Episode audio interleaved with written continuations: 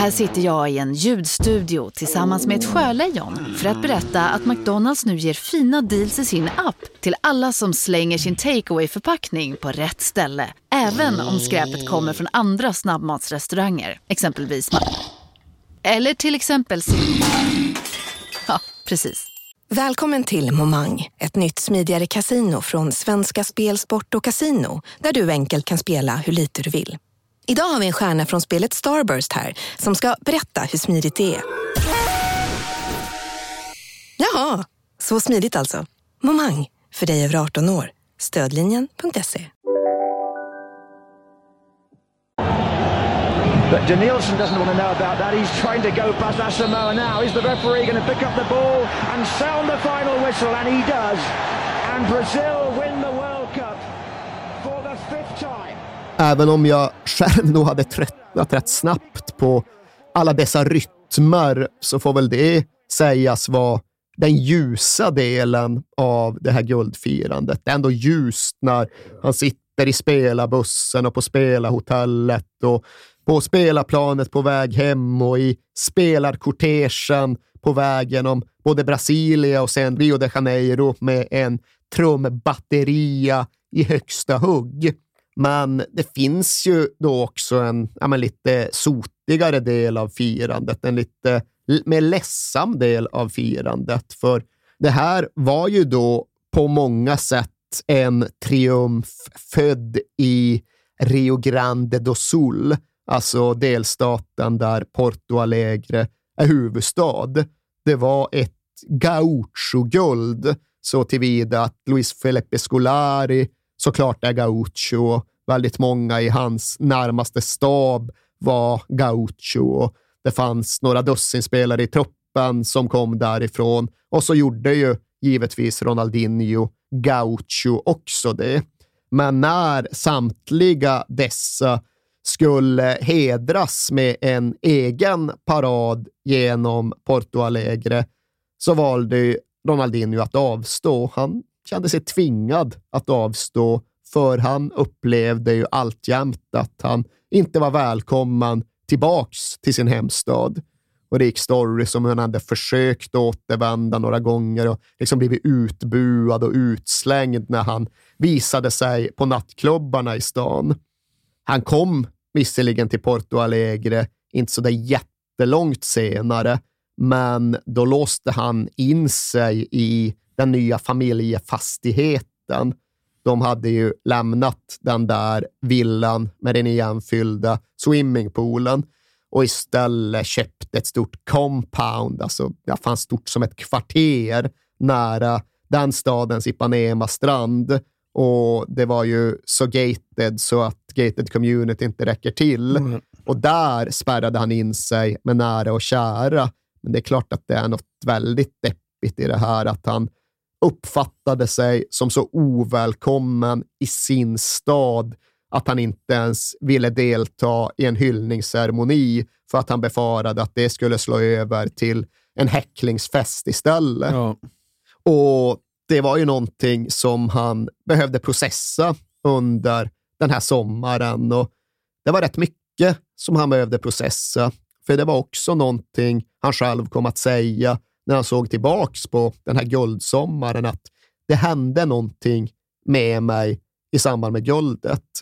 Svårt att förklara, men på något sätt vaknade jag upp som världsmästare morgonen efter och var en annan person. Jag kände mig annorlunda. Och det menar ju Ronaldinho i grund och botten var en väldigt positiv sak. Han mm. hade liksom nått ett högre tillstånd av inre frid och sinnesro. Men det var ju andra som också såg en förändring och som inte uppfattade den som lika självklart positiv. Nej, vad var det då? I första hand kanske då Luis Fernandes, ja. huvudtränare för Paris Saint-Germain. Men jag tror att i hans ringhörna fanns nog rätt många runt PSG under spelåret 2002-2003. Ja, för nu handlar det inte bara om att hänga i det där huset längre, va?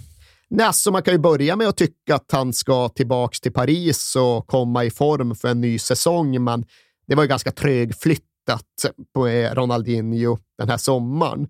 Han var inte direkt i maxvarv när den franska säsongen drog igång och när han ändå börjar närma sig matchdugligt skick, ja, då drar han raka vägen tillbaks till Brasilien, för då ska det spelas en vänskapslandskamp mot Paraguay, som i praktiken är en typ av hyllningsmatch till världsmästarna. Och den tänker inte Ronaldinho missa. Men det innebär väl att det går ytterligare några veckor innan han faktiskt är spelduglig. Så han startar, om det är sjunde eller sjätte matchen den här ligasäsongen, som han gör sin första start. Och Luis Fernandez är förbannad redan där. Och även om han då gör mål direkt mot Lille i comebackmatchen så är ju Luis Fernandez förbannad redan där och argare ska han komma och bli.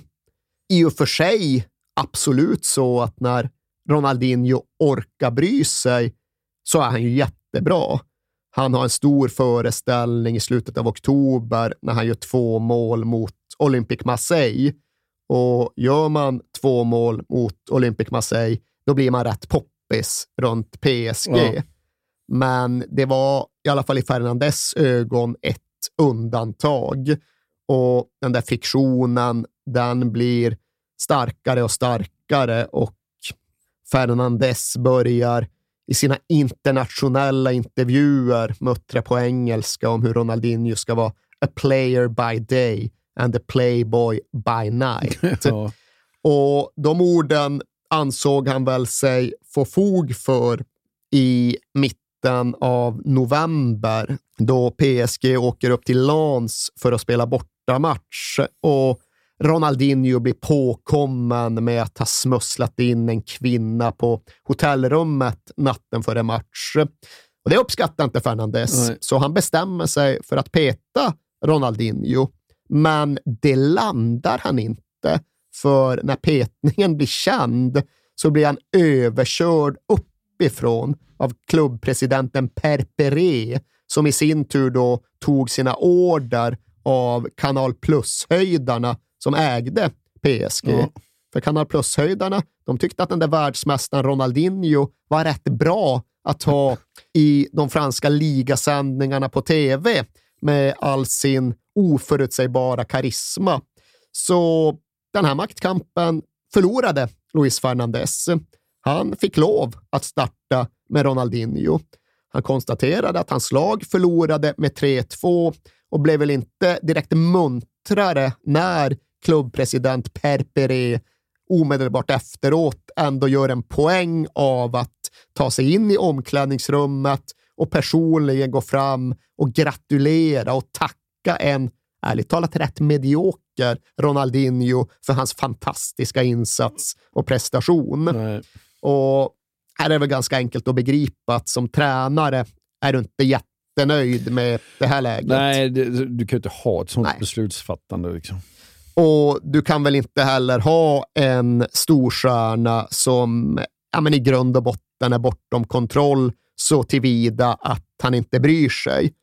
PSG, ja, PSG ger ju en generellt dålig höst och Ronaldinho är med och sänker dem, så de ligger någonstans i tabellmitten in i juluppehållet. Och Ja, vad tror du där? Tror du Ronaldinho kommer tillbaka i tid efter sin julledighet? Nej, jag tror han tar en brasiliansk ledighet. Det kan jag försäkra dig om att han gör. Skulle komma tillbaka ja, i god tid före årsskiftet och slantrar väl in en knapp vecka senare.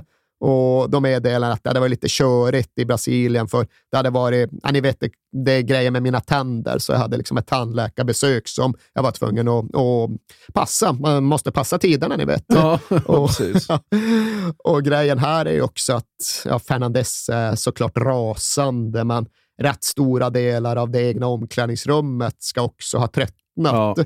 För Ronaldinho kom ju liksom invisslande då en knapp vecka för sent och liksom bara morsar på sina lagkamrater i omklädningsrummet och ser väl brasilianskt solig ut i det läget. Ja. Men medan de liksom håller på att byta om och förbereda sig och ska gå ut och träna, så sticker han bara in huvudet, säger tjena tjena och sen går han iväg och liksom ställer sig och pratar mobiltelefon på obestämd tid medan de andra går ut till träningsplanen. Ja.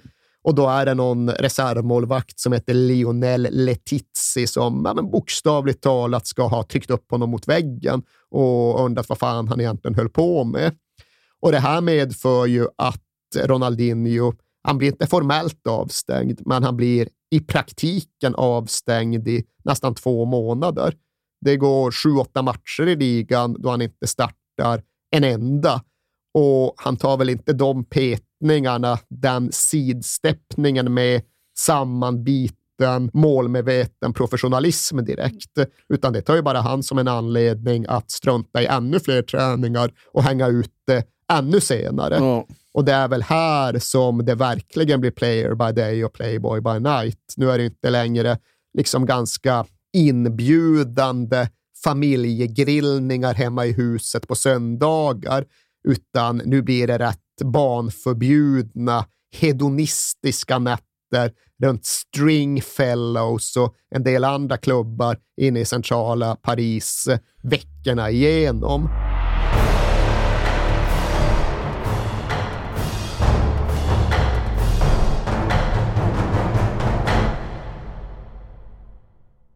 Vi fortsätter med vårt stora 90-årsfirande, Alex. Ja, precis. Själva födelsedagen för Stryktipset är ju i oktober, men det här är liksom det är förfesten. Ja, för vi är ju sponsrade av Stryktipset. Ett spel från Svenska Spel, Sport och Casino för dig över 18 år.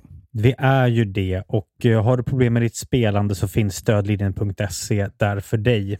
Och jag uh, funderade lite så här, undrar hur många som har haft 13 rätt genom de här 90 åren som har eh, förtjänat den här respekttröjan. Liksom. Vi firar ju på vårt speciella sätt med våra kära lyssnare som ja, älskar Stryktipset och har skickat in historier till oss om eh, hur Stryktipset har påverkat dem i 90 minuten. Och fortsätt gärna skicka in de fina historierna till kings. Har vi någon historia idag? Ja, det har vi. Och den kommer från Thomas. Den är kort mm. koncis. Mm. Den går så här. Jag vill tro att detta är 2010. Arsenal spelar otrolig fotboll och ska bara städa av Sunderland och leder med 1-0 på stopptid. Mm. Jag har 12 rätt med häng på 13. Jag minns som sagt inte vilket år det är, men målskytten glömmer jag aldrig. Darren fucking Bent. Han bombar in 1-1 och 12 blir 11 som sen blir 10 rätt. Styrtipset är verkligen otroligt och otroligt grymt ibland. Tack för en fin podd. Om jag inte har helt fel så har Darren Bent även en historia i Tottenham va? Det har han, verkligen. Ja. Men det går så... vi inte in på nu. Nej, men det var ju ändå fint att Darren Bent sänker Arsenal för Sunderland. Ja, det får man ändå säga. Men vi säger stort tack till Thomas och vi säger stort tack till våra vänner på Stryktipset. Vi är sponsrade av Ikano Bank och Ikano Bank är ju banken för allt som rör hus, hem och ekonomin däromkring. Och de har ju också en tagline som är Sveriges hemkäraste bank. Är inte det exakt det man är ute efter när man söker efter en bank? En bank med tydliga, bra bolån, privatlån, sparande med schyssta villkor, konkurrenskraftiga räntor, Håkan. Det är väl det enda man bryr sig om i dessa dagar. Ja, och så vidare. så är det faktiskt. Ja. ja. Och de har ju faktiskt rätt att kalla sig Sveriges hemkäraste bank, därför att Ikano Bank startades av grundaren till Ikea. Precis. Och om inte det är hemkärt så kan man verkligen fråga sig vad hemkärt det är. Ikano Bank har precis släppt en större rapport som heter Tre dimensioner av rikare boende. Mm -hmm. Där man undersökt och presenterat statistik kring vad svenskarna värdesätter med sitt boende. Och deras första undersökning visar ju någonting ganska häpnadsväckande. Eller hur? Det gör ju det. Kan du, kan du berätta? Ja, den visar att trots det höga ränteläget så har mindre än hälften av svenskarna vidtagit någon form av åtgärder det senaste året för att förbättra sin boendeekonomi. Ja, det låter ju inte så bra kanske. Nej, det gör det verkligen inte. För att undersökningen genomfördes i augusti och det är bara 45% som har gjort det. Och av dessa har endast 16% av bostadsägarna förhandlat om lägre ränta. Mm mm. Många verkar ha en uppfattning om att det är jobbigt och krångligt att byta bank vilket det inte är. Fler borde kolla upp om du kan spara pengar genom att byta bank. Därför uppmanar vi er att ta kontakt med Ikano Bank eller gå in på ikanobank.se för att se om du faktiskt kan få en bättre ränta. Vilket är en no-brainer med tanke på hur ränteläget ser ut, eller hur? Verkligen, så är det ju. Vi säger stort tack till Ikano Bank.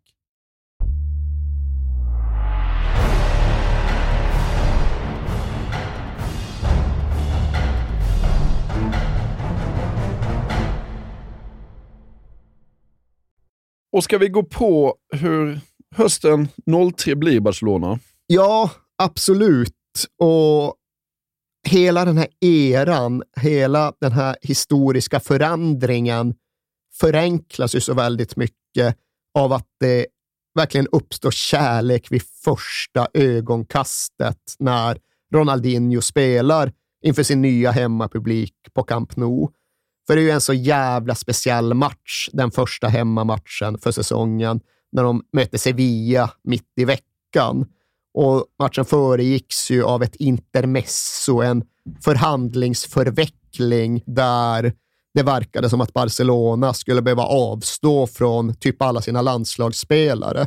Den här matchen skulle spelas på en onsdag och för att hinna till Sydamerika, ja då behövde spelarna åka på onsdagen och de försökte flytta matchen. De trodde de hade lyckats. Sen fick de avslag när den skulle spelas på onsdagen och de funderade på hur fan de skulle undvika liksom ett nederlag både vid förhandlingsbordet och på fotbollsplanen. Och så kom de på den här snilleblixten då att ja, men va?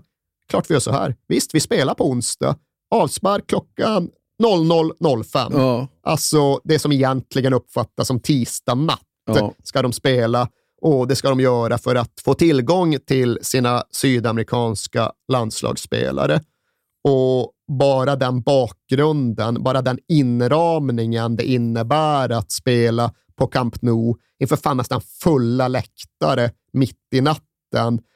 Allt det ger ju en speciell känsla till Ronaldinhos hemmadebut. Och Ronaldinho hade ju inget emot att spela klockan 12 på natten. Nej, alltså, ju...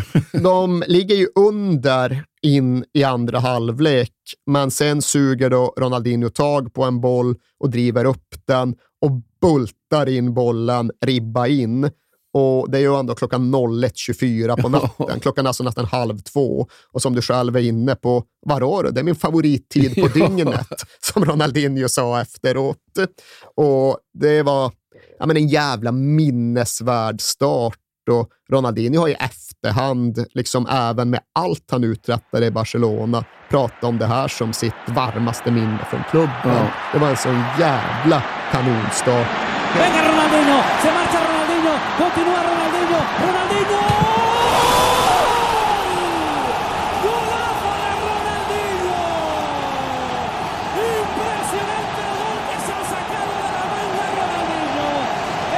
Det var nog tur att de fick den gemensamt. Resten av hösten är ju sportsligt sett helt bedrövlig. Ja.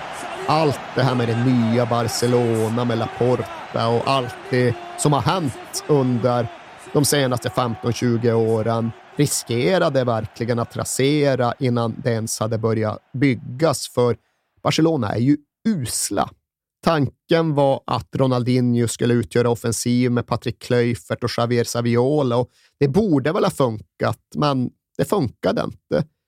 De haltade fram och Ronaldinho är ganska bra själv, men det klickar liksom inte. Och, ja, in i november så ligger de fyra och då får Ronaldinho problem med hälsenan.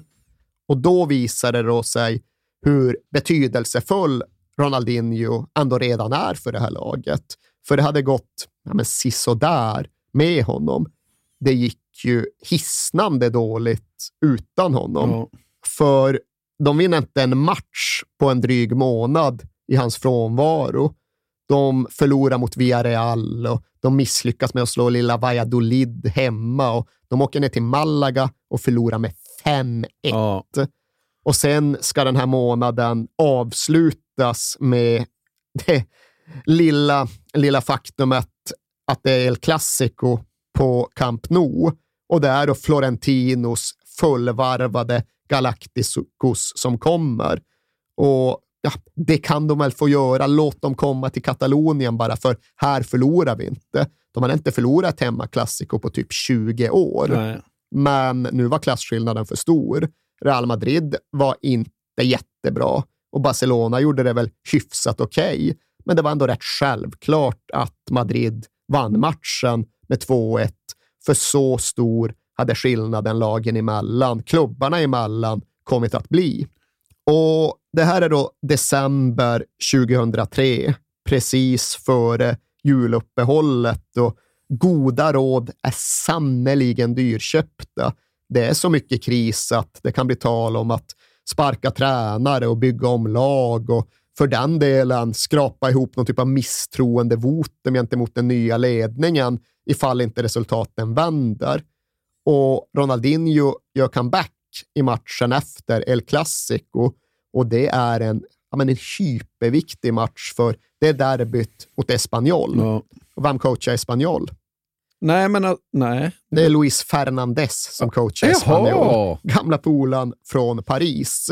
Men jag, men, jag tänkte på Paris, men Pochettino coachade väl dem sen? va? Ja, det var jag ska inte, jo, ganska långt senare. Ja. Ganska långt senare. Men då blev det ju nej, men den personliga dimensionen till upptrappningen. Ja. Det var ödesmättat nog ändå, men så kom den här gamla grollet att läggas ovanpå det. Och visserligen sa då Ronaldinho att nej, nej, jag hade inga problem med honom, utan han hade problem med mig. Men då kontrade Luis Fernandez med att säga att nej, nej, jag hade inga problem med honom, utan det var han som hade problem med sig själv. Ja. Och, ja, där stod de in i matchen och Espanyol tar tidigt ledningen. Extra typiskt med tanke på att det är Jordi Cruyff som gör målet. Ja. Och Det finns en tyngd idé mot ett eh, ofungerande FC Barcelona. Så någonting måste ske och Ronaldinho tar tag i det. Han gör ett plus ett och FC Barcelona vänder och går upp i 3-1-ledning på bara en halvtimme. Men ändå är det inte detta vi minns den här derbymatchen för, utan det är det skenande vansinnet som ändå råder under resten av speltiden. För Ivan de la Peña, den gamla Barcelona-killen, han får rött kort för Espanyol i den 41 minuten. Och sen slutar inte utvisningarna att komma, utan det blir sex röda kort i den här matchen. Tre på varje sida. Och det här förstärks av att det är vid sex separata tillfällen. Det kan ju hända rätt ofta att det blir tre, fyra röda kort, ja, ja. men det är som konsekvent av ett storskaligt ja, slagsmål. Liksom. Här är sex separata tillfällen som genererar sex röda kort och det är flest någonsin i någon av de europeiska storligorna. Jaha. Men vände det med den här matchen? Det skulle jag ändå inte säga. Vändningen är visserligen nära, men den kommer inte med en derbyseger mot Espanyol, utan den kommer ju med en värvning av Edgar Davids. Just det. Och det är ju verkligen så att han kommer in, laget formeras om och allt klickar. För med David som bollvinnare, ja, då frigjordes Xavi på mitten. Och när Xavi frigjordes, ja, men det frigjordes någonstans i förlängningen även Ronaldinho, ja. för då fanns liksom passningsleverantören där på ett självklart och pålitligt sätt. Och från början av januari 2004 och framåt genom våren, och då förlorar ju inte FC Barcelona på 17 ligamatcher. Det är en total scenförändring och Ronaldinho tar klivet. Det stora klivet, det sista klivet.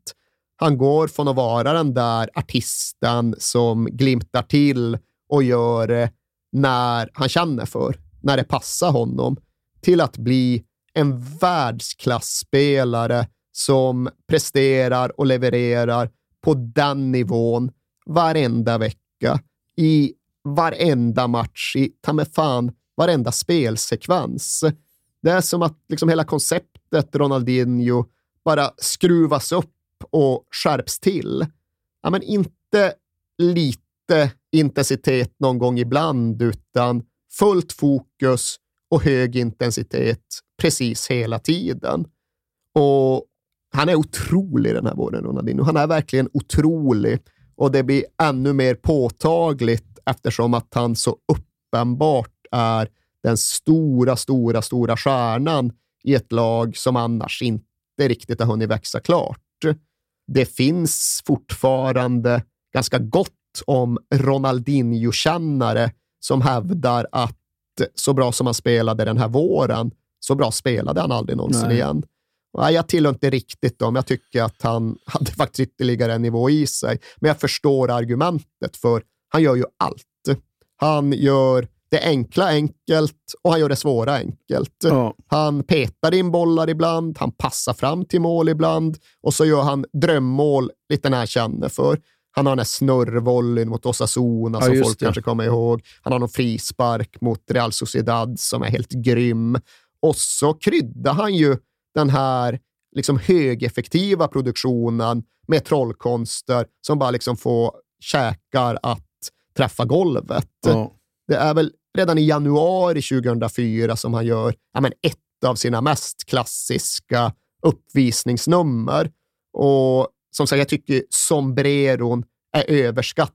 Ja. Har du bara lyfter bollen över en spelare och tar den på honom. Du gör det ofta på studs också. Ja. Men ifall vi höjer insatserna och tar det till en trippel sombrero samtidigt som du är hårt attackerad av två adrenalinstinna Athletic-spelare från Bilbao, ja då börjar vi snacka. Ja. Du har sett den här eller? Nej, jag har faktiskt bara läst. Den om... är otrolig. Ja. Och det är ju som sagt, alltså, han tar emot en höjdboll och kontrollerar den. Och han har då två Athletic-spelare som verkligen liksom tuggar på honom, som är tätt på honom. Och en skakade av sig hyfsat snabbt, det är inte så många sombreros. Men Gurpegi, alltså en av Athletics klubbikoner, som ja, senare blev avstängd för anabola och själv hävdar han att det var naturligt höga halter i kroppen. Inte fan vet jag, men en aggressiv jävla försvarare. Ja. Och honom lyfter då Ronaldinho bara bollen över fram och tillbaka och tillbaka igen. Och under hela den här sekvensen, från det att han liksom tar ner bollen och kontrollerar den till det att han har gjort en trippel sombrero och hängt av två Athletic-backar, så har du en pågående bolljonglering. Alltså han jonglerar ju 11 touch under den här perioden ja. och samtidigt så lyfter han då bollen tre gånger över en back och hänger av två motståndarförsvar. Det är, alltså det är något som du hämtar i en serietidning. Ja, det, den är antecknad här. Ja, den, för kommande... den ska ut. Den ja, ska ut. Instagram. För... Trippelsombrero mot Bilbao. Ja. Atletic som vi känner. Ja. Ja, det, är, det är ett av, hans, ett av hans stora cirkusnummer. Det är det verkligen. Och det blir ju ja, men så mycket bättre av att det faktiskt leder någonstans. Alltså, han blir av med de där försvararna och kan fortsätta spela. Och Det är ju den kombinationen av ekvilibrism och effektivitet som gör Ronaldinho så unik och som han verkligen kan kontrollera genom hela den här vårspurten. För de vinner och de vinner och de vinner och till sist så är de ju uppe i nacken på Real Madrid och deras Galacticos, alltså det där laget som hade framstått som ett ljusår fram de var 15-16 poäng efter dem va? Ja, det var något sånt ja. efter den där första klassikon. Men nu bara tuggar de och tuggar och vinner och vinner samtidigt som Real Madrid börjar krackelera. Och till sist så åker de då till Bernabeu och det är klart att de vinner. Och det är givetvis så att de gör det efter att Ronaldinho med en ganska otrolig, men för honom rätt ordinär lobbpassning friställer Xavi som lyfter bollen vidare in i nät. Ja. Och visst, de vinner inte ligan. De kommer aldrig ikapp det multieffektiva Valencia, men de blåser förbi Real Madrid och de slutar tvåa i ligan och de har ju framför allt fått det att framstå som troligt och rimligt att just den här nya Barcelona-eran är på riktigt. Att den kan ta vägen någonstans. För när säsongen började, det var mest bara en önskedröm. Real Madrid, ja visst, de har Zidane, Figo, Ronaldo, Raúl, Beckham. Men om vi tar in den här enda lynniga brassen från Paris, så då kanske det kan räcka. Uh Nej, ja, vi kan ju hoppas, men det är klart det inte kommer. Och så räcker det. Ja. Och så blir det mer än tillräckligt, både vad gäller det sportsliga och det marknadsmässiga och precis varenda parameter du kan tänka dig.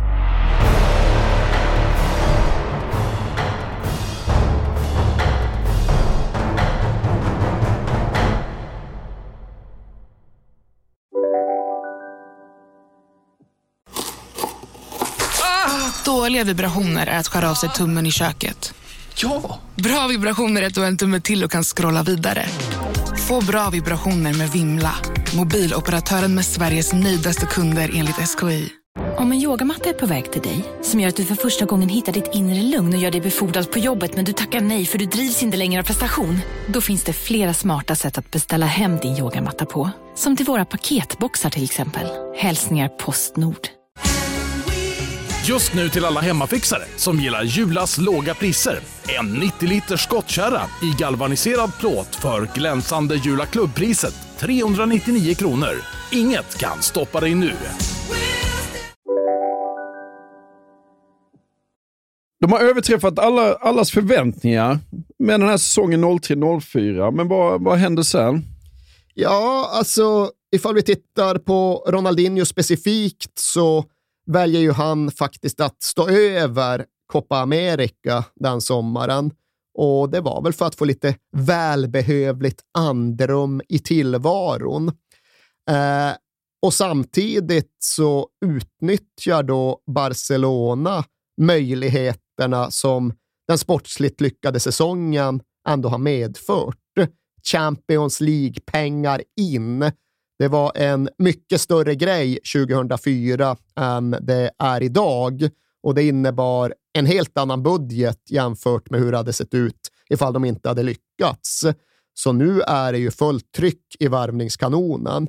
Det är in med Samuel Eto'o, det är in med Ludovic Giri som var ja, men en stor grej ja, den här sommaren. Ja. Hade ju liksom drivit Monaco fram till Champions League-final. In med Henke Larsson, bara det. Och därtill då in med fyra brassar. Och det är allt från det lite mer marginella som Silvinho och Ed Milson över Belletti fram till Deco. Och jo, Deco är brasse. Ja. Och att eh, till denna kvartett lägga det faktum att Thiago Motta redan fanns i klubben, att det fanns någon brasse i Espanyol och att det fanns basketspelare från Brasilien i FC Barcelonas organisation, ja då får du ihop ett rätt bra Ronaldinho-häng uppe i hans stora hus i, inte hans med. i bergen i Castell de Fels. Och här är det väl lite ungefär samma situation som det var under första året i Paris. Att folk i och runt klubben tyckte att det var toppen att Ronaldinho verkade trivas. Och det är klart att det redan från början fanns kanske ett socialt överslag även utifrån ett katalanskt mått.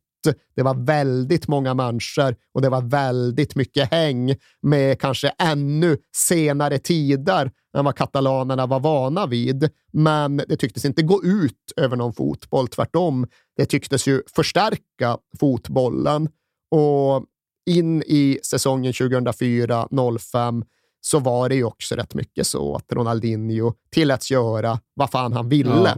Men han hade själv sånt fokus att det inte fanns något problem med detta arrangemang. Och in i säsongen så går det sen bra för både lag och spelare. Barcelona tar täten i den spanska ligan och Ronaldinho, det är inte bara att han bidrar, han är ju utslagsgivande, men får ändå kanske inte det där riktiga lyftet. Han var inte riktigt på samma hysteriska höjd som han hade varit den här våren. Han gör inte så mycket mål här i början på hösten. Nej, det gnisslar lite grann. Det är ju faktiskt så att in i november så har han fortfarande bara gjort ett enda litet ligamål. Men allt var inte ligaspel.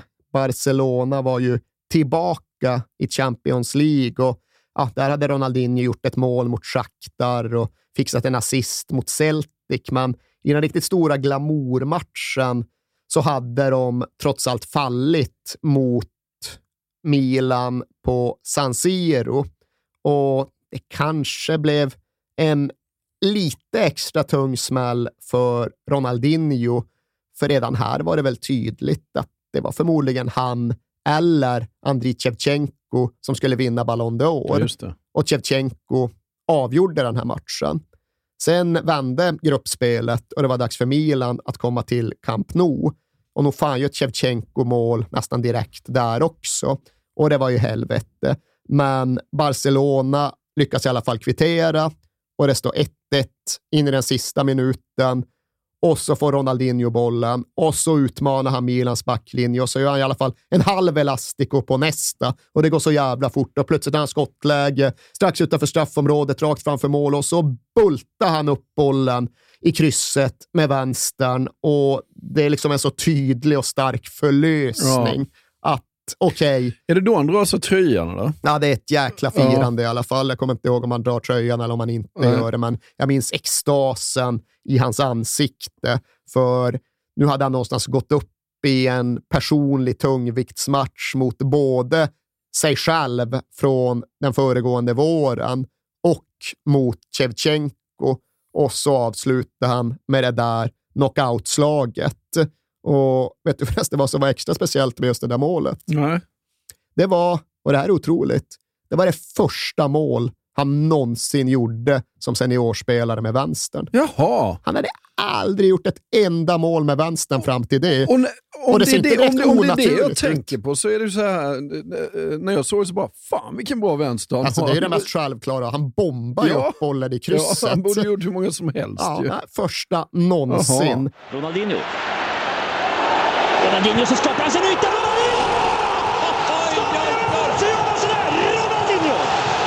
Hur många passningar var det innan det här målet? 10-12? Ja, det är otroligt fint spelat. Gol, gol, gol! Publiken exploderar på Camp Nou. Det där är godkänt. Vilket passningsspel. Vilket avslut. Underbart.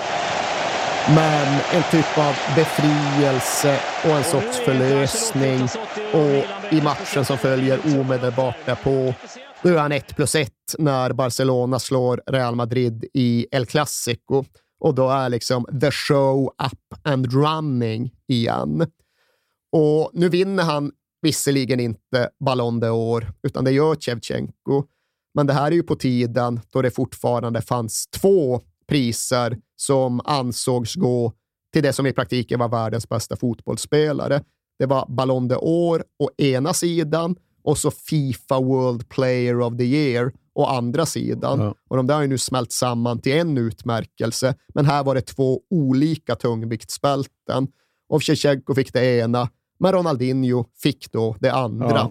Han blev Fifa World Player of the Year och jag skulle väl säga att Ballon d'Or fortfarande hade lite högre status, men fan vet om det borde ha haft det. För det priset röstades ju fram av olika journalister, ja. liksom lösdrivare som du och jag och Anders Bengtsson på Offside, medan då Fifa World Player röstades fram av alla förbundskaptener och landslagskaptener världen över. Och visst, det finns lite skuggiga figurer som är kapten för Uzbekistan eller coachar Vanuatu, men om något får väl ändå deras omdöme sägas vägas tyngre. Ja. Så Ronaldinho kunde möta 2005 och ändå med gott samvete hävda att han blev utsedd till världens bästa fotbollsspelare. Och sämre gick det ju inte därefter. Nej. Trots att ja, men matcherna som kanske mer än några andra kom att definiera våren 2005 för Ronaldinho faktiskt slutade med nederlag. För i åttondelsfinalerna av Champions League så ställdes ju Barcelona mot Chelsea. Och kanske var liksom den fotbollsideologiska dimensionen inte riktigt lika stark och närvarande som det sen skulle komma att bli när Pep Guardiolas Barcelona ställdes mot José Mourinhos Real Madrid. Men notusan fanns den på plats redan här. För Barcelona, ja, det var ju flytande fotboll och show och godhet och Ronaldinho, medan Chelsea var fysik och maskin och cynism och José Mourinho. Och det är klart att det är en överdriven förenkling, men det var ändå de premisserna som många uppfattade de här mötena utifrån. Och det försvagades ju inte direkt efter första matchen. som Barcelona till sist vinner med 2-1, men som både vi och alla andra egentligen minns som Anders Frisk-matchen. Just det. Drogba blir utvisad efter en lite tveksam situation som kan bedömas på olika sätt. Och Mourinhos raseri efter den utvisningen går ju inte att kväva. Nej. Han eldar ju på något så inåt helvete och det är upprört i alla skrymslen och vrår av den socialmediala värld som inte riktigt har blivit socialmedial ännu, men det blir ju hela den här kedjan av hot mot Anders Frisk och mot hans familj som får honom att avsluta karriären. Ja. Och det är ju en jävla grej och det finns ju sen med in i returmatchen. Och den här returen, den är ju helt episk. För jag tillhör ju de som inte riktigt ställer upp på att José Mourinhos första Chelsea var ett defensivt lag. Okej, det var väl ett kontringslag, men fy fan vad de kontrade. Ja. När de körde så körde de. Och här strimlar de ju Barcelona under en blixtrande inledningsperiod på sådär 20 minuter. De springer ifrån till 3-0. Och det är ju helt grymt, men sen reser sig Barcelona och reducerar två gånger och då har de ledningen totalt på bortamål. Men sen gick nicka John Terry in det där avgörande målet på slutet och Chelsea går vidare. Men trots denna stora blå triumf så tror jag inte att jag överdriver när jag säger att de allra flesta världen över minns knappt att Chelsea gick vidare. De minns knappt att Chelsea vann, utan det folk kommer ihåg, det är ju Ronaldinhos andra reducering. Han gjorde den första också, men det var en straff. Sen gjorde han ett till mål och ja, vad fan var det egentligen? Ja, eh, det var en tåpaj. Jaha, så kan man säga och få det att låta jag- som ett jag- Romario-mål på Ja, dussinet. Ja. eh, Jag Du tror, hon gillar har, inte? Du tycker det är överskattat eller? jag tror hon har lärt sig av Romario, eller, eller av futsal då såklart. Det tror jag också. Ja, eh, sen tycker jag det är fruktansvärt överdrivet att hylla det målet. Tycker så du? jävla- Ja. Ja, där är vi inte överens. Nej, jag tycker han, han, nej, men han dansar lite från, framför Cavallo, det, det, visst. Men sen gör han en tåpaj. Det, det, jag- jag kan inte förstå vad, vad det helt otroliga i det målet är faktiskt. Är du allvarlig? Jag är fullkomligt allvarlig.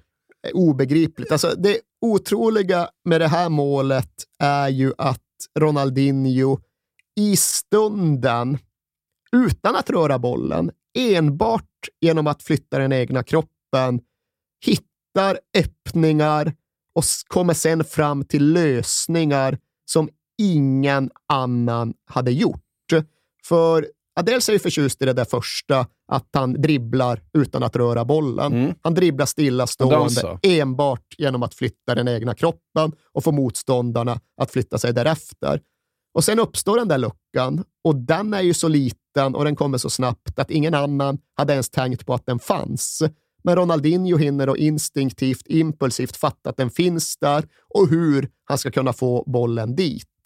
Och visst, sen drar han ju då till med en typ av tåpaj, men det är en tåpaj från långt håll för att vara en tåpaj. Det är en tåpaj som kräver fullständig exakthet och att styra en tåpaj är fan inte enkelt. Nej. Och där till så slår han ju till bollen på ett sätt som ger en ytterskruv. Det är ju en skruvad tåpaj. Det, det är, jag håller med om är ju såklart svårare då. Men det, det stora frågan i detta är varför, varför använder inte fler anfallare tåpaj? Det är inte den stora frågan, det är en fråga. För Ja. visst, den är effektiv, den kommer så jävla snabbt. Och Ja. Jag tror att svaret är att det är just ett så svårkontrollerat skott. Ja. Är du Romario så kan du placera en tåpaj. Det är inte så många andra som kan göra det i hög fart. Nej. Och det är framförallt inte många som kan skruva en tåpaj från 18 Nej, meter. skruva en tåpaj är inte lätt. Men jag, jag hävdar fortfarande att det är, eh, han har gjort så jävla mycket annat som är helt fantastiskt. Så det, här, det, det här är... Nej, vet du vad det var? Alltså, det här var ju också förlängningen av hans mål mot England i VM-kvarten. Det som förminskades av engelsmän som ville hävda att det bara var tur, tillfälligheter, en felträff. Och nu är du inne på lite det spåret. Nej, jag hävdar inte att det är tur för fem Nej, öre. nej, men alltså Nej. det som förstärker det snarare än reducera det, det är just att det här var den typen av mål som ingen engelsman, eller för den delen skandinav, eller fan nordeuropé, hade kunnat se komma. För det finns liksom inte i vår fotbollskultur att improvisera fram den där typen av avslut. Det finns inte hos oss att slå den där frisparken över David Seaman och det finns än mindre att dansa fram den här öppningen. Och när Ronaldinho själv pratar om sin fotboll så är han sällan särskilt målande.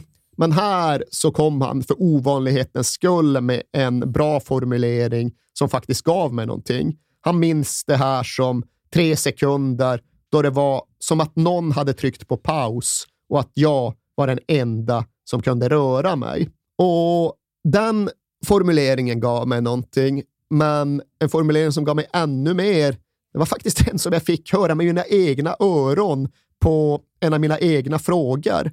För eh, strax efter det här målet så stod jag, som man gör, och småpratade lite med Brasiliens dåvarande förbundskapten Carlos Alberto Pereira. Jaha om just skillnaden mellan brasiliansk, europeisk, nordeuropeisk fotboll. Och då valde han själv att peka på just det här målet för att exemplifiera det som var hans poäng. Han sa att det där målet som Ronaldinho Gaucho gör är just skillnaden på en europeisk spelare och en brasiliansk. För vi, vi är inte som elektriciteten ur ett vägguttag, en konstant ström. Vi måste kunna växla tempo, kunna explodera. Och vet du vilken term Pareira använde därefter? Nej. Ginga. Ja, den älskar man ju. den är du bekant ja, med. Ja, ja. Och det är också en sån där term. Skicklighet, ja, medfödd så, känsla. Ja, någonting svårdefinierat, men som gick att definiera just genom Ronaldinhos mål på Stamford Bridge enligt Pereira. Och även om du är skeptisk så köper jag det till nästan 100%. Nej, men jag köper allt han säger helt och hållet, men jag hävdar att tekniska nummer och mål som han har gjort det här är ett 3 plus. Eh... Men det är inte nödvändigtvis det tekniska, det är improv improvisationsförmågan, påhittigheten. Ja. Det är det, liksom. det är snabbheten i huvud snarare än svårigheten med fötter. Ja, ja, Svårighetsnivån det... med fötter är också hög, men det är framför allt just kreativiteten och liksom regelbrytandet som fångar mig här. Jag ska naturligtvis lägga ut detta på VVK Podcast också. Så ska det bli jätteintressant att faktiskt höra vad ni lyssnare tycker. Jag Om... accepterar, eller tycker nästan, men liksom det där målet, det, det där målet gjort av den spelaren i det läget, ja, men det förkroppsligade allt som faktiskt lockade med Brasilien.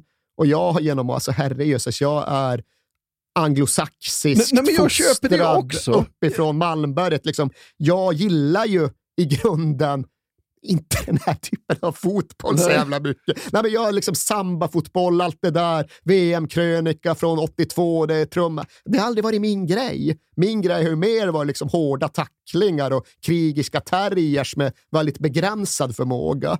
Här får jag liksom nästan bara resignera och acceptera ett nederlag för just den här grejen, det går inte att värja sig. Ronaldinho kör sin skruvade tåpaj när alla andra bara hade kört fast. Ja. Och så, alltså, färgstark var han och sorglös, begåvad, avspänd och ja, levnadsglad. Ja. Och här trädde han ju fram också som ja, men en Garincha för en ny tid. För det var ju det som alltid sa som Garincha, att Visst, de tycker han var bäst av alla, de som älskar Garincha, bättre än Pelé, men framför allt så gav han ju glädje. Han var ju allegria do povo, oh. folkets glädje. Och det här var ju Garincha för en ny tid. Oh. Och just att han gjorde det på engelsk mark, det tillförde också någonting. För ja, men, engelsmännen uppfann fotbollen, men brassarna färglade fotbollen. Oh. Och jag vet inte riktigt. Jag, kör, alltså jag tror på hela den här grundpremissen att det finns en fundamental skillnad i uttolkandet av fotboll mellan brassar och många Det europeer. gör jag också. Men Ja. sen om det är liksom nedärvt kulturellt arv eller om det är följden av att de har spelat så satans mycket futsal. Ja. Det vet, alltså, jag, tror, Och, jag tror att det är både och. och på stränderna. Ja, och men jag på... tror verkligen att det är både och. För jag tror inte att någon som inte har lärt sig att reagera och tänka och handla så jävla kvickt som det krävs i futsal kan göra det där. Nej. Men jag tror också att liksom hela förgudligandet av den sortens fotboll också påverkar brassar och gör det. Det ligger närmare till hands att tänka tanken och försöka för att Ja. få så jävla mycket klang och jubel och uppskattning tillbaka. Ja. Och grejen för mig här var ju att anledningen till att jag stod och chitchattade med Carlos Alberto Pereira några veckor efter Ronaldinhos drömmål, det var ju just att jag liksom hade kapitulerat. Ja. Och för första gången gick till sådana som dig, beslutsfattare på Sportbladet och sa att äh, nu måste jag fan åka till Brasilien och skriva pretentiösa reportage om liksom, den brasilianska folksjälen uttolkat i fotboll. För, Och jag bara, ja men jättebra idé. jag tror faktiskt inte att det var du som, eh, som sanktionerade detta. Men med Ronaldinho på toppen av världen på ett så tydligt och karaktäristiskt brasilianskt sätt, då kände jag mig fan nödgad att tugga kulan, att svälja det bistra fotbollspiller som innebär att jag behövde bemöda mig med att åka till Brasilien och följa både landslag och klubblagsfotboll under några veckor. This game now. Terry's header only as far as Iniesta. Now Ronaldinho. Oh, it's a terrific goal! Wonderful, wonderful goal! Absolutely breathtaking. Ronaldinho. You just didn't see it coming. And in the blink of an eye, back of the net. Petr Cech. Petr Cech never moved. He just literally wasn't expecting it. He didn't believe for one minute the Brazilian would just do what he did. Everyone's waiting for him to thread the ball through for the runner, but the watch. I mean, before you even blink, it's in the back of the net. That is absolutely outrageous. That's why he's World Player of the Year. Hur blir hösten med Barcelona då, 05? Alltså, det går väl nu att börja prata om ett mönster och det mönstret innebär väl att även när Ronaldinho är på en väldigt bra plats och är i väldigt bra form så är han kanske inte riktigt eh, fullt uppskruvad när de övriga inleder sin säsong. Och Det har väl i och för sig att göra med att hans försäsong blir förskjuten. Han är iväg och spelar Confederations Cup Ja. och allt sånt där. Men jag tror väl kanske inte att eh, liksom det där träningsprogrammet som han fick medskickat till semestern hemma i Brasilien kanske inte prickades av Nej. på alla punkter varje dag. Så han är lite seg in i den här säsongen också. Gör inte en poäng de första fyra matcherna och blir faktiskt bänkad i den femte. Och det är inte för att han är för dålig, men det var bara så det var just där och då. Sen var matchen som följde omedelbart därefter en Champions League-match mot Udinese och då gjorde han hattrick. Och sen tror jag det var sex mål och fyra ass på de fem ligamatcher som följde. Så okej, nu var han tillbaka. Ja. Nu var han igång och nu spelade han upp hela sitt register. För från och med början av oktober och framåt ja, men så gör han egentligen poäng i varenda match under mer eller mindre resten av säsongen. Och det är ju vissa av de här poängen som sticker ut som på något sätt faktiskt är värda lite mer än bara ett mål eller en assist. Och det första jag kommer att tänka på, det är väl den framspelning han ger Ludo Gii mot Osasuna här i oktober. Vet du vilken jag syftar på? Du, det är så många framspel. Nej, vilken är det? Det är den när han alltså med fullt medveten avsiktlighet lägger en hyfsat lång djupledare, genomskärare till Gii med ryggen. Ja, ja. Det är det ja. inspelet från högerkanten och han liksom snärtar iväg Ja. den med ryggen. Och både tillslaget, vallningen, men då framförallt spelblicken och påhittigheten är ju extraordinär. Ja. Och det är liksom ingen diskussion om huruvida det är medvetet eller inte, för Ronaldinho använder ju ryggen i sitt spel. Ja. Han hade ju redan tidigare i Barcelona gjort ytterligare en sån där grej som fick en att häpna, fick en att känna att det här hade jag aldrig sett förut.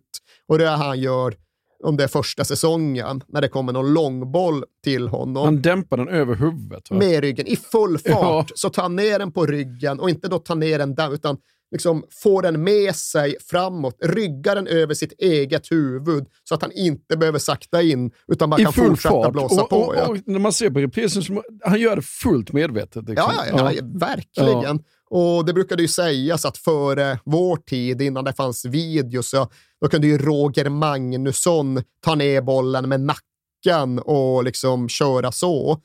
Och det kanske han gjorde. Vi ska inte förminska honom och liksom säga ja, men i det tempot var det lätt. Utan ja. om han gjorde det så är det bara att ta av alla hattar vi har och konstatera att i så fall är det här någon typ av efterföljare ja. till den metodiken. Och liksom, även om han började lite segt poängmässigt den här säsongen, så tror jag det var hans allra första match, den här supercupen mot Real Betis, då han också gjorde en grej jag aldrig hade sett tidigare. Då han alltså dribblade bort folk med bollen liggande på bröstet. Har du sett den? Nej. Ja, men alltså, det är så liksom tight situation och han tar ner bollen på bröstet, men istället för att liksom bara dämpa den ner framför sina egna fötter så håller han den kvar på bröstet och låter den rotera som man kör så här balansbana, jag vet inte fan vad de heter, ja, de här ja. när man liksom kör på rattar ja, för att liksom hålla en kul. Den liksom, metodiken använder sig av för att manövrera sig loss från två Betis-försvarare med bollen kvar på bringan. Och så när han väl är fri från dem, då snärtar han iväg den med axeln och fortsätter dribbla. Ja. Och det, är så bara så det, det där har jag aldrig sett. Nej. Det där har jag aldrig Nej. sett. Och var... Frågan är om han har sett det, eller om han bara uppfinner det i stunden. Jag tror fan det sistnämnda. Ja. Sen vet jag att han gillade ju så här fotbolls-freestyle, alltså sådana här gycklare som ligger i Camden i England och liksom gör tricks eh, med sina sulor ja. och liksom verkligen är cirkusfolk snarare än fotbollsspelare. Sånt där tyckte ju Ronaldinho var coolt ja. och han tog säkert lite inspiration därifrån. Men att göra de där grejerna på fotbollsplanen, ja, men det tror jag inte att han hade. Så jag tror inte det fanns Nej. förlagor, utan det var bara sånt han liksom, som hände i stunden ja. för att det var den bästa grejen som gick att göra. Och det är klart att även detta liksom plus då allt annat i helhetspaketet gjorde ju honom till det där som, ja, som Real Madrid hade missat. Den absolut mest eh, karismatiska, marknadsmässiga fotbollsspelare, eller fan idrottsman som överhuvudtaget gick att föreställa sig. Och kommersialiseringen av fotbollen, den har vi problematiserat förr. Den kommer vi problematisera igen. Men Ronaldinho lyckades ju göra till och med den, inte bara någonstans acceptabel, utan försåtligt tilltalande. För hans reklamgrejer blev ju också sevärt spektakulära. Och Det var väl så att det första stora han gjorde i Barcelona blev inte helt lyckat, för då smashade han något fönster på den heliga katedralen i Santiago ja, de Compostela. Det. Och det kanske inte var svinbra, men det var det ju, för det gav det bass och ryktbarhet ja. och gjorde att liksom, det gick att spinna ytterligare på. Men nu hade det då gått halvannat år och hans status hade vuxit lavinartat och nu gällde det ju att slå an rätt sträng för att maximera den kommersiella nyttan av det. Och man kan säga väldigt mycket om Nike, men här får jag ju liksom bara resignera och kapitulera ytterligare en gång. Är det ribban du tänker på? Eller? Acceptera att alltså, de, de, gjorde, alltså, de kom med ett bidrag till fotbollskulturen med sina reklamfilmer mellan sig 95 och 2005. De har ett årtionde där, där de är väldigt tonsäkra under precis den här tiden då allt växer fram och förändras. Och Ronaldinho och den brasilianska fotbollen var ju helt centralt här. Och det är väl en anledning att faktiskt plussa Sandro Rosell ytterligare ja. några vändor, för han var ju med och drev allt detta. Han var där och liksom skrev det första Nike-kontraktet med Ronaldinho när han var 16-17 och han var väldigt snabb med att eh, förlänga och förbättra avtalet efter det där målet mot Venezuela sommaren 1999. Utifrån deras egen horisont så gör ju Nike väldigt mycket rätt i relation till fotbollen under de här åren. Och allra tydligast uttrycktes väl det just genom de här reklamfilmerna som både jag själv och tror jag väldigt många ur min generation kan titta tillbaka på och romantisera än idag.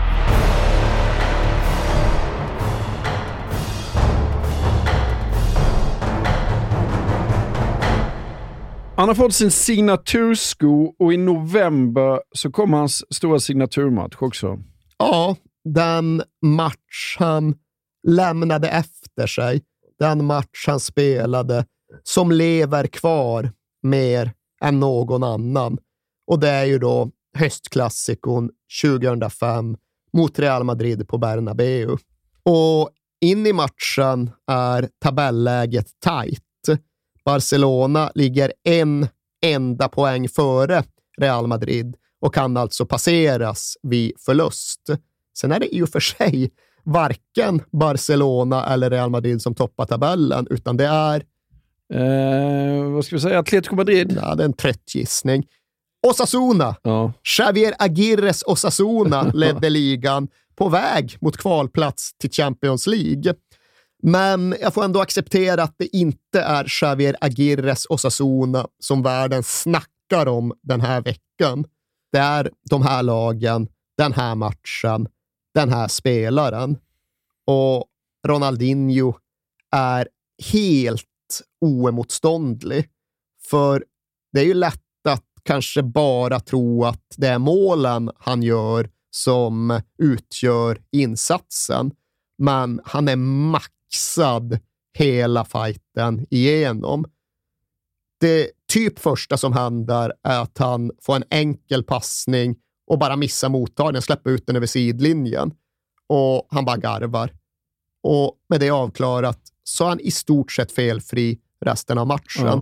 Och det är inte för att han spelar säkert. Han är inte Busquets Nej. som är felfri genom att slå 400 passningar klokt i sidled, Nej. utan han spelar ju med jättehög svårighetsnivå och lyckas med allt. Och det är framspelningar, det är fan till och med bollvinster, det är dribblingar, det är avslut och det är ju de här två målen som kombinerar allt Ronaldinho kunde vara när han var som mest effektiv. Det här är ju inte de mest halsbrytande mål han någonsin gjorde, men det är sån total effektivitet. Det är bollen framför fötterna, det är maxfart, det är bara virvelvind förbi en eller ett par försvarare och så skicka in bollen förbi Casillas och i nät. Och det första målet är väl lite vassare, för då trampar han ju då först förbi Sergio Ramos och sen kliver han runt El Guera och sen drar han iväg skottet precis innan Roberto Carlos har nått fram. Men det är nästan ändå det andra målet som känns mer eftersom att de upprepar precis samma grej. Ja. Det är trampa loss på utsidan av Sergio Ramos ytterligare en gång och stackars, stackars Sergio Ramos. Ja. Killen är, men han är, han är inte med 1920. 19, ja. 19 gör sin ja. första El Clasico och så ställs han mot detta. Ja, och han försöker vara fysisk mot honom. Han, det, det, funkar liksom inte. Nej, det, alltså, det finns inget som funkar.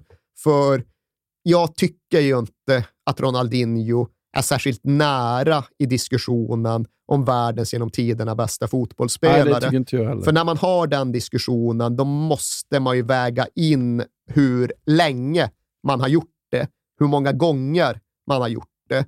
Och det är bara att kolla på Messi och Ronaldo. De har hållit på i 15 år ja. på så gott som samma nivå.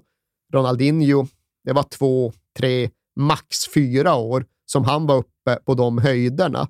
Men när han väl nådde sin maxhöjd, då tittar han ju inte ner på någon i den där diskussionen. Alltså när han spelar så här, då var han ju lika bra som Messi, som Pelé, som fan Maradona. Ja, Men nästan. det var ju i några få matcher, möjligen några få säsonger. Men det som slår en här också är vilket jävla fysiskt prakt, praktslag han är liksom. De tacklar honom, han står ju upp. Han är så jäkla snabb. Liksom. Han är 100% vältränad. Ja, verkligen. Och han har ju där till liksom balansen, motoriken, koordinationen, så du kan ju inte få honom ur balans. Och det innebär att ja, men det finns liksom inget sätt att möta honom. Ska du spela fysiskt så förlorar du. Ska du försöka springa mot honom så förlorar du. Försöker du bromsa in honom så drar han iväg. Liksom attackerar du, då bara petar han runt ja. det. Och liksom, sjunker du djupt, där, då kan han skjuta från distans. Står du högt så kommer han in bakom. Ja. Han kan passa, han kan dribbla, han kan skjuta. Nej, här är han bokstavligt talat ostoppbar. Och återigen, inte i två sekvenser, utan så gott som under matchens alla 90 minuter. Och ni vet ju också att den här prestationen och det andra målet belönas med en stående ovation från Bernabéu-publiken. Ja. Och ni vet ju också att det är något som sitter rätt långt inne, ja. men som ändå har plockats fram vid några få tillfällen. Och alltså, motståndarspelare har Bernabeu hyllat ganska ofta. Liksom. Del Piero kommer dit och får en stående ovation, men det är någonting när motståndarspelaren representerar Barcelona ja, som gör att det är ganska svårt. Maradona fick väl den någon gång? Ja, det sägs att det är fyra stycken totalt. Tar du dem då? Nej, ja, men det, jo, Maradona. Det, ja, men det går ju. Alltså det, det är bara uteslutningsmetoden egentligen. Nej, Maradona är helt rätt. Cruyff. Ja, absolut. 74. Maradona 83. Jag vet inte fan om Maradona ska, om Maradona ska ha det. Men det som sägs kring det, det är ju att han får det efter målet han gör. Och målet han gör är inte så jävla speciellt. Han kommer fri från mittlinjen, runda målvakten och sen är liksom den enda grejen att han likt en annan Marcus Rosenberg inte slår in bollen utan gör en extra dragning så att backen försvinner iväg och promenerar in med bollen. Aha. Men ifall det bara var det så, ja, så hoppas jag att han får det för en helhetsgärning snarare. Ja. Vad ska vi säga, Messi också eller? Ja, det vore ju rimligt, eller men faktiskt inte. Romario? Nej, du var Nej. rätt era med Messi, men faktiskt inte just han. Trots, trots allt han har gjort där. Nej, då får du nog säga. Iniesta. Ja. Och grejen är att det förstärktes ju av att han vann VM-guld åt Spanien. Ja, ja. Så han fick som stående ovationer på alla arenor han kom till. Dels året efter VM och dels året när han sen skulle lägga av. Men som någon målande beskrev det, fotbollens musik kan inte låta mer tillfredsställande än så. Det finns liksom inget bättre ljud i en fotbollsspelares öron än en stående ovation på Bernabeu efter att du har besegrat dem som Barcelona-spelare. Det här var en milstolpe till match av så många skäl. Ifall vi lyfter blicken från Ronaldinho och Barcelona så var ju den här utspelningen det slutgiltiga beviset på att Galacticos-projektet hade kraschat. Ja. Det här var slutpunkten för Galacticos-eran som byggt så mycket på löftet om de stora showerna. Och bakvänt nog kom den absolut största showen, den bästa individuella prestationen under alla de här åren. Inte från någon av Real Madrids Galacticos, utan från den Galactico de själva valde bort. Ja. Och det gick ju bara några månader så hade Florentino Perez avgått. Zinedine Zidane meddelade att han skulle lägga av efter säsongen. Fabio Capello kom in som manager och då var det ju inte liksom den lössläppta showen Nej. som återstod. Goes past Algueris if he isn't there and puts it through the legs! A master at work! Wow, awesome. You are watching one of the all-time greats at the peak of his powers. That was awesome. Absolutely superb. And listen to the fans here, Real Madrid fans applauding that individual goal from Ronaldinho. I tell you what, you go a long, long time before you see that again. He takes on Sergio Ramos. He's passed him in a flash. Head up, he slots it in the far corner.